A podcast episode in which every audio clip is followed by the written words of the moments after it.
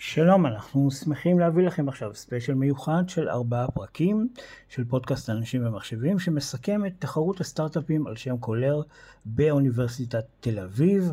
בתחרות הזו חולקו מענקים של 100 אלף דולר למיזמים השונים. מיד נתחיל בתוכנית הראשונה, ואחר כך נעבור לדבר עם הזוכים המאושרים. אז אנא נעימה. שלום רון. שלום יהודה, מה שלומך? מה נשמע? הכל, אה, הרוב בסדר, אתה יודע. כן, עכשיו אה, עובדים על זה. מטפלים, מפגינים, מה שרוצים לעשות, כן. בהחלט. אה, יש לנו היום פרק מעניין בפודקאסט שלנו. זאת אומרת, תמיד מעניין, אבל היום זה מעניין במיוחד. כי באוניברסיטת תל אביב נערכת מדי שנה תחרות יוקרתית של סטארט-אפים, שנעשית במסגרת הפקולטה לניהול על שם קולר.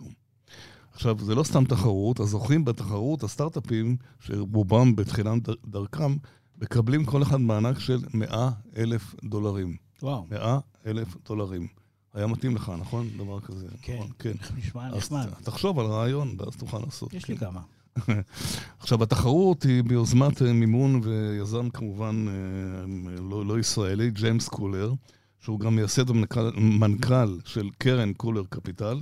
וגם על שמו נקראת הפקולטה, וכנראה שהוא גם אחד התורמים שלה. היום אנחנו נשוחח עם שלושת, שלושת הזוכים. שלוש, שלוש הזוכים? או שלושת, מה אומרים? שלושת הזוכים. סליחה, אוקיי. אז היום אנחנו נשוחח כאן עם שלושת הזוכים בתחרות. כל אחד מהם הוא מייסד ומנהל סטארט-אפ מתחום אחר, ממש בתחילת הדרך, ונשמע על מה הפיתוח שלהם, ובעיקר, מה הם הולכים לעשות עם ההשקעה הראשונית הנאה. אבל לפני כן, כדי להבין טוב יותר את הרקע לאירוע המעניין הזה, אנחנו נשוחח עם פרופסור משה צבירן, אושיות אקדמית, אושייה אקדמית מאוד מוכרת, מאוד ידועה, שהוא היום מנהל מערך היזמות והחדשנות של אוניברסיטת תל אביב, וראש מכון קולר ליזמות, ונשמע ממנו על מה מדובר, מה זה התחרות, ובכלל קצת על אקדמיה ועל ההייטק היום. נשמע מעניין. מאוד... יש לך איזה סטארט-אפ שהיית רוצה להמציא? התחלתי לחשוב, מרגע שכתבתי את הכתבה, אמרתי, וואלה, אני גם יכול לחשוב. חלק מהם זה ממש ברמת אה, פרוטוטייפים, ברמת של ממש הם עוד לא זהו, ו-100 אלף דולר, אתה יודע, מההתחלה זה בכלל לא רע, אבל זה באמת מעניין. מה היית ממציא? מה? מה היית ממציא? שאלה טובה. אה, להעלים משהו, מישהו בכנסת בירושלים, אפשר? אנחנו... איזה פטנט? נסתפק בדברים. אה, טוב, אנחנו אוקיי. מתחילים. בכיף. קדימה. אנשים ומחשבים, הפודקאסט של אנשים ומחשבים. מגישים יהודה קונפורטס, עורך ראשי של אנשים ומחשבים, ורון קסלר, עורך הפודקאסט.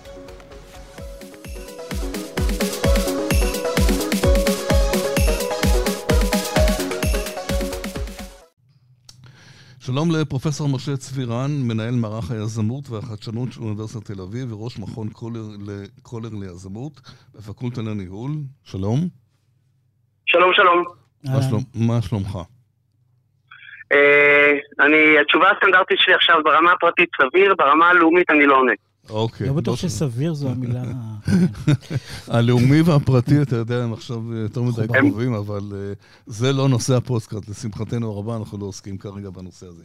אה, פרופסור צבירן, היה לא מזמן אה, עוד טקס, מתקיים כבר כמה שנים, של תחרות סטארט-אפים שאתם מובילים, אתם עושים, על השם, ביוזמת ג'יימס קולר.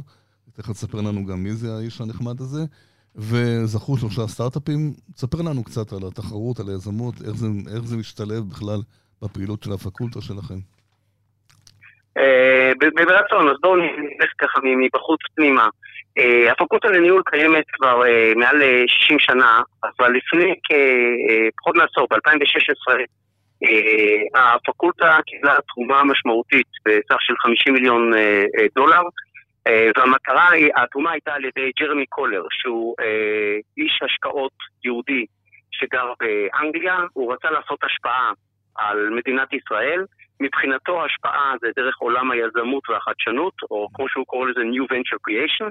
כן. ובמסגרת זאת אה, הוא גם ניסה לכוון את הפקולטה לכל, לשים את הדגש על ניהול יזמות וחדשנות כתמה מרכזית. אני עושה רגע פאוזה לשנייה אחת. כן. לפני כ-15 שנה, או בתקופתו של קודמי כדיקן, הפקולטה החליטה שהפורטה שלה הולך להיות בשני נושאים. הנושא הראשון זה ניהול טכנולוגיה ומידע, מהמם. הנושא השני זה אה, ניהול יזמות וחדשנות.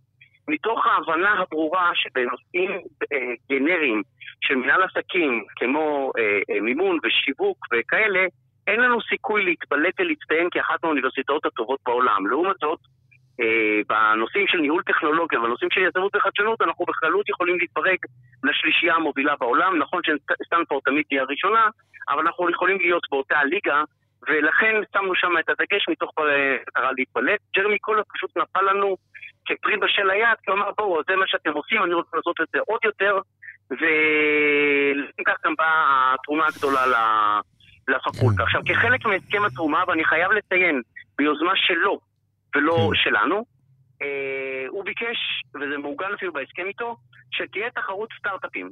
אה. שתהיה תחרות שנתית, זו יוזמה שלו. שתהיה תחרות שנתית שפתוחה לכל מי שקשור באוניברסיטה, זאת אומרת, סטודנטים בכל התארים, פוסט-דוקים, חברי סגל וגם בוגרים צעירים. מהמם. כאשר הרעיון שלו הוא לא רק לדבר על, אלא גם לעשות את. זאת אומרת, שדרך התחרות לעודד יצירה של אה, אה, סטארט-אפים, ואם יהיה לנו זמן, אני אסביר אחר כך גם איך זה משתלב בתוך ה ecosystem היזמי של האוניברסיטה בכלל.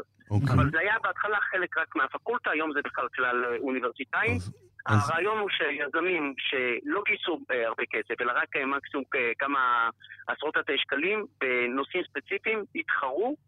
חייב להיות להם עוגן של אוניברסיטת תל אביב, זה יכול להיות בוגר צעיר, זה יכול להיות סטודנט, לא כל הצוות חייב להיות כזה. והם מתחרים, נכון להיום, אני אחסוך לכם את ההיסטוריה כדי שלא נגמור את כל הזמן, Mm. נכון להיום הם מתחרים בשלושה מסלולים, כל מסלול נושא אה, אה, אה, אה, פרס ראשון של השקעה של 100 אלף דולר, אוקיי. אה, גינון סטנדרטי, ו... ונכון להיום הושקעו בסטארט-אפים, זה, זה השנה השביעית כבר, אז נכון להיום הושקעו בסטארט-אפים כאלה מעל אה, אוקיי. אה, מיליון דולר. בוא- אבל בוא- שיפה בוא- בוא- בוא נשים נקודה חיים. רגע, בוא נשים נקודה בבקשה. שמתי. נקודה. כן, בבקשה, שמת נקודה. מה, מה אתם, מה התנאים, מה, מה אתם מצפים מהם? מה, מה, איזה פרופיל של אנשים מגיעים ומה אתם, לפי מה אתם בוחרים? כמה אני אנשים, מניח- כמה סטארט-אפים אה, ניגשו אגב? כמה הגישו השנה בעצם? כמה היו? השנה הגישו 140, וואו, וואו, זה המון. זה, זה עולה משנה לשנה, כן. בשנה הראשונה הגישו 100,000 50, דולר, כל אחד השנה אנחנו. כבר ב-140. כן, כן. אז בחרתם שלושה. כן, כל אחד מקבל. כן, בחרתם לא, שלושה. בחרנו. יש לנו שלושה שניים. הזמן עושים סקרינינג על ידי... אה. לסמי פיינל, לסמי פיינל עולים, אה, זה בשלושה טרקים, לסמי פיינל עולים 24, 8 בכל טרק, לפיינל עולים 4 בכל טרק, שעושים פיץ' לפני חבר של כמעט 40 שופטים, ו-the best one wins. אז מה אתם מחפשים בעצם? מה, מה אתם מצפים מהם? לפי מה אתם קובעים? רעיון, רעיונות ישימיים, אני- קודם כל אמרתי, העוגן, עוגן תל אביבי, אנחנו מחפשים רעיונות ישימים באחד מתוך שלושת המסלולים, אנחנו מחפשים רעיונות שכבר יש להם לא רק פיץ' אלא כאילו אה, כמעט proof of concept או, או חלקי, שהרעיון הוא קצת יותר בשל. אה, אולי גם אה, שהם גייסו כמה שקלים כדי לרשום פטנט או אה, לקדם את זה, אבל שוב, אסור, אה, אסור להם לגייס, זאת אומרת, כדי להיות בתחרות אסור להם לגייס מעל סכום מסוים, אחרת disqualify. ואנחנו מחפשים משהו ש... שנראה שיש לו אה, ביקוש עתידי בשוק, ויש סיכוי שהוא יפרח. מה אתה יכול להגיד על אלה שזכו, השלושה הראשונים האלה? מה, מה בעצם הלהיב אתכם? היום? מה- מה כן, מייחד אותם? כן. מה אה, בעצם הצית לא, את הדמיון? כן. אה, אה, כבי- אה, אני חושב שענית ב- בשאלה שלך, ענית על התשובה. הם הציתו את הדמיון כי הם הציגו פתרון לבעיות ספציפיות רלוונטיות. אה, אחד מהם הציע לצורך העניין אה, אה, פתרון לזיהוי אה, מיידי של אם שמו, בדרך כלל זה לבחורה, אם שמו לך כן, משהו כן, במשקה, כן, שאתה. בבר. אנחנו נדבר איתה, כן, כן. אבל אתם יודעים, בתור אבא לילדה שעברה את זה, אה, אתה אומר וואלה, אה, זה מציל זה. פתרון מדהים, נכון, כן, זה, זה מציל חיים, זה, כן, זה. מציל חיים במובן הרחב של המילה. לגמרי. והבנו שעומדת מאחורי זה טכנולוגיה שהיא ישימה, זאת אומרת, היא משלבת את, ה, את, ה, את הכימיה ואת מה שצריך, ואמרנו, יאללה, אנחנו רואים לזה ביקוש, רואים לזה שוק, אה, בואו נתמוך בדבר כזה. כן, אה, אז, אז לכן, אה, זה אה, ברור. בעצם אנחנו כן, מחפשים משהו. כן. עכשיו תראו, שיש 40 שופטים, זה לא שניים.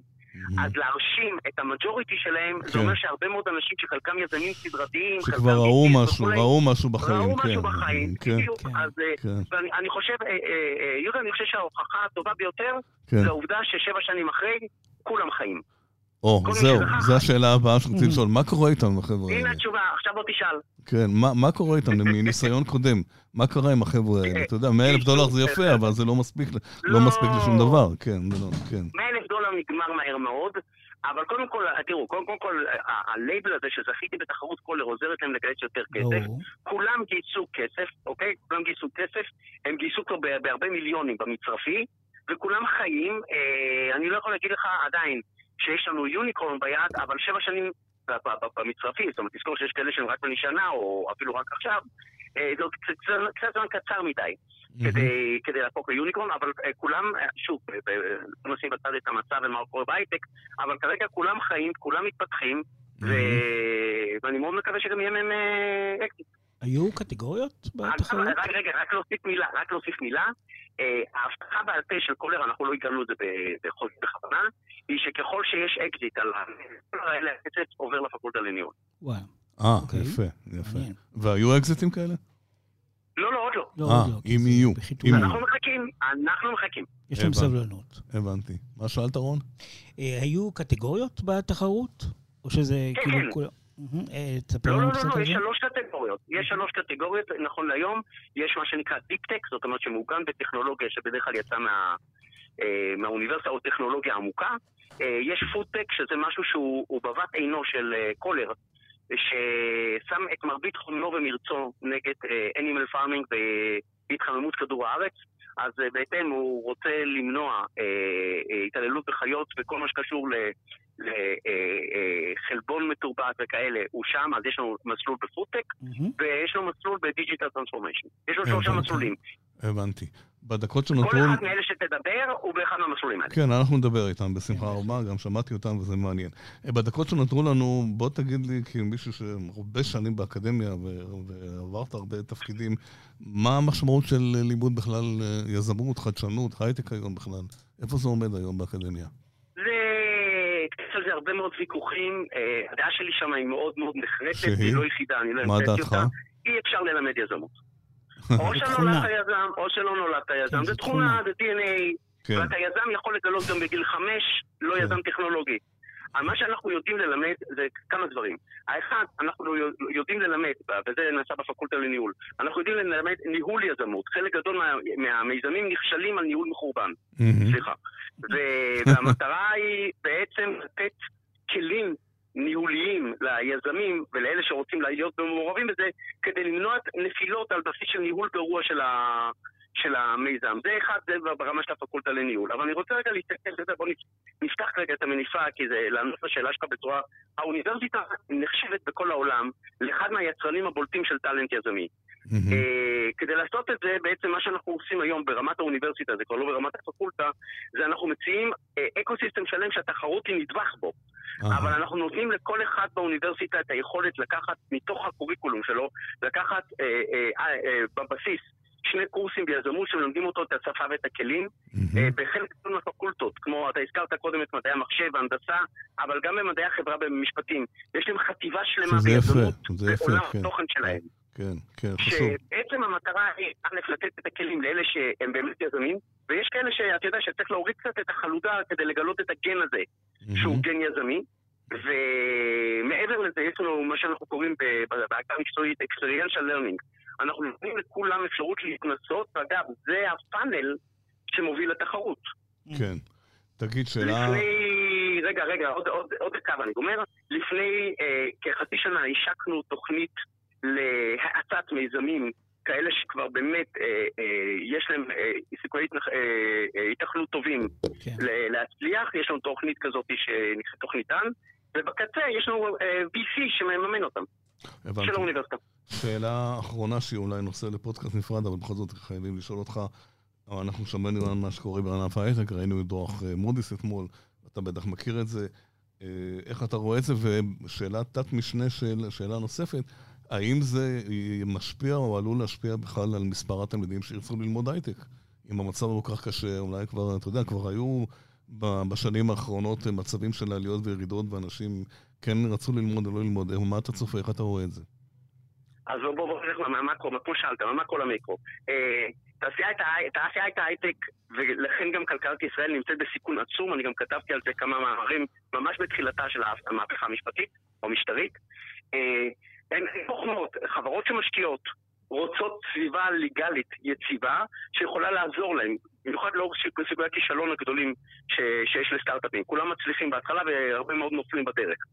ו, ואנחנו רואים היום האטה בהשקעות ב-VC ישראלים, אה, כאלה גם שסגרו את הדלתות ל-VC ישראלים, אנחנו רואים האטה בהשקעות בסטארט-אפים, אין ספק שהמצב שאנחנו בו נמצאים משפיע דרסטית על ההייטק. נקודה ראשונה, נקודה שנייה, הייטקיסט, בניגוד נגיד למקצועות אחרים, הייטקיסט, רופא, אחות וכולי, זה מקצועות שישנם בכל העולם. Mm-hmm. ולכן אנחנו רואים גם חלק מהאנשים ש...